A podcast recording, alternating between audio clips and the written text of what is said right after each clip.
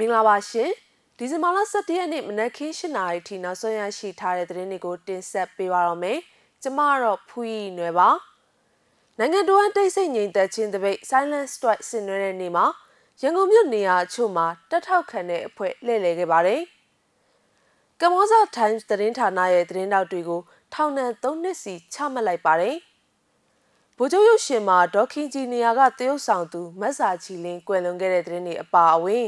စကိုင်းတိုင်းအရာတော်မြို့နယ်ကြီးရွာအချို့မှာတိတ်ဆိတ်ငြိမ်သက်ခြင်းတပိတ် Silent Strike အောင်မြင်စွာပြီးဆုံးပြီးတဲ့နောက်ဒီဇင်ဘာလ10ရက်ညနေခင်းမှာကမ္ဘာလူအခွင့်အရေးနေ့အတွက်အမဲအောင်လှုပ်ရှားမှု Black Campaign ပြုလုပ်ခဲ့တဲ့သတင်းတွေကိုတင်ဆက်ပေးဖို့ရှိပါတယ်။တိတ်ဆိတ်ငြိမ်သက်ခြင်းတပိတ် Silent Strike ပြုလုပ်တဲ့ဒီဇင်ဘာလ10ရက်နေ့ကရန်ကုန်မြို့နေရာအချို့မှာလူတစုကတထောက်ခံပွဲပြုလုပ်လှည့်လည်ခဲ့ပါတယ်။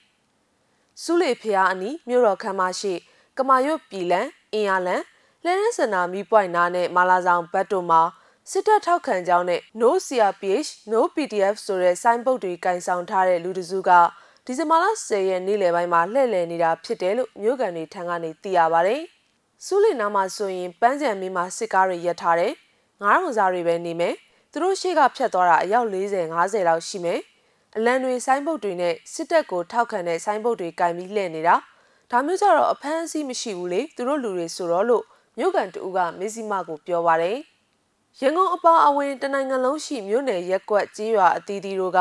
ပုံမှန်လူစီကားလေးရှိတဲ့လမ်းမတွေမှာလူသူကင်းမဲ့စေပြီးဈေးဆိုင်ကန်းတွေပိတ်ထားခြင်းအပြင်အတန်တိတ်တပိတ် silent strike ကိုပြည်သူလူထုကတခဲနဲ့ပူးပေါင်းပါဝင်ခဲ့ကြတာကိုတွေ့ရပါတယ်။ကမ္ဘောဇာ Times သတင်းဌာနကသတင်းတောက်တွေကို ထောင်တွင်းတရားရုံးကနေဒီဇင်ဘာလ10ရက်မှာထောင်ဒဏ်3နှစ်စီချမှတ်လိုက်ကြောင်းကမ္ဘောဇာ Times သတင်းဌာနကထုတ်ပြန်ထားပါတယ်။စစ်ကောင်စီလက်အောက်ခံရှမ်းပြည်နယ်ညောင်ရွှေအကျဉ်းထောင်ရှိတရားရုံးမှာဧပြီလ10ရက်ကနေဒီဇင်ဘာလ10ရက်အထိရုံးချိန်16ချိန်အတွင်းစစ်ဆေးခြင်းကြားနာခြင်းဆွဲချက်လျှောက်လဲချက်တွေတင်ပြီးတဲ့နောက်ဒီဇင်ဘာလ10ရက်မှာသူတို့၄ဦးကိုထောင်ဒဏ်3နှစ်စီအသီးသီးချမှတ်လိုက်တာဖြစ်ပါတယ်။ဖမ်းဆီးခံရသူ၄ဦးအနက်2ဦးဟာ မိသားစုဝင်သားဖြစ်ပြီးသတင်းတောက်လို့ဆွတ်ဆွဲဖမ်းဆီးခံထားရတာဖြစ်ပါတယ်။အခုလိုစစ်ကောင်စီရဲ့ဖမ်းဆီးထောင်ဒဏ်ချမှတ်ခံရသူ၄ဦးမှာကမ္ဘောဇာ Times သတင်းဌာနကတာဝန်ခံအယ်ဒီတာနန်းနန်းတိုင်းခေါ်နန်းနွေနွေလိုင်းသတင်းတောက်နန်းဝင်းကြီးထုတ်ဝေသူကိုတင်အောင်ကျော်နဲ့သတင်းသမားလို့ဆွတ်ဆွဲခံရသူဆိုင်းစီသူတို့ဖြစ်ပြီး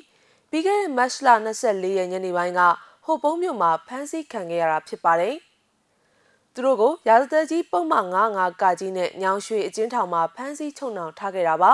။နှွေဦးတော်လန်ရေးကာလတလျှောက်ရှမ်းပြည်နယ်အတွင်းသတင်းမီဒီယာသမား10ဦးအထိဖမ်းဆီးခံရပြီးသူတို့တွေက4ဦးကတော့ပြန်လည်လွတ်မြောက်ပြီးဖြစ်ပါတယ်။ဒါပေမဲ့တန်လွင်သွေးချင်းသတင်းဌာနကအေဒီတာချုပ်မြဝင်းရန်ရွှေပြည်မြေသတင်းအေဂျင်စီကရုပ်သံသတင်းတောက်လွေးအံဖောင်းနဲ့ကမောဇာ Times ကအခုထောင်ဒဏ်ချမှတ်ခံရတဲ့၄ဦးတို့ဟာ ချုံနှောင်ခံထားရဆဲဖြစ်ပါတယ်။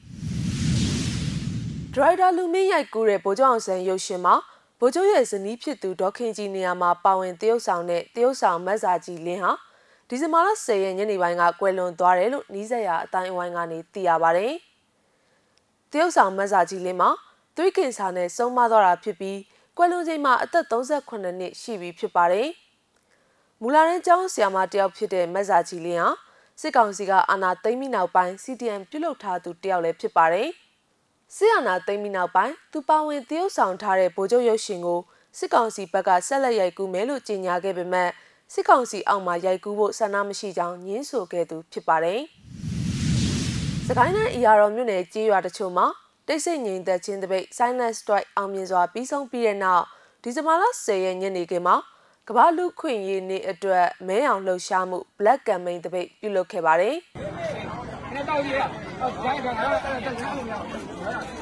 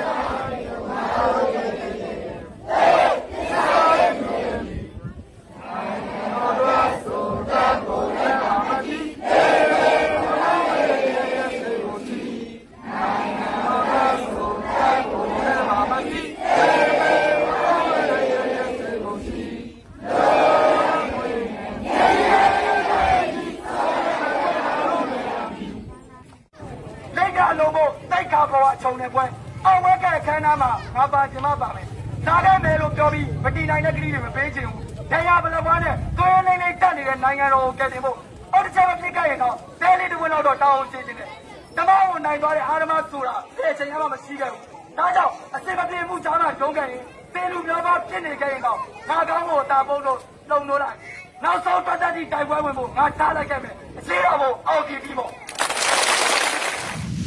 မဇ္ဈိမ TV ရဲ့နောက်ဆုံးရသတင်းတွေကိုတင်ဆက်ပေးကြတာပါ။စောင့်မျှော်ကြည့်ရှုခဲ့ကြတဲ့ပရိသတ်တွေအားလုံးကိုကျေးဇူးအထူးပဲတင်ရှိပါတယ်ရှင်။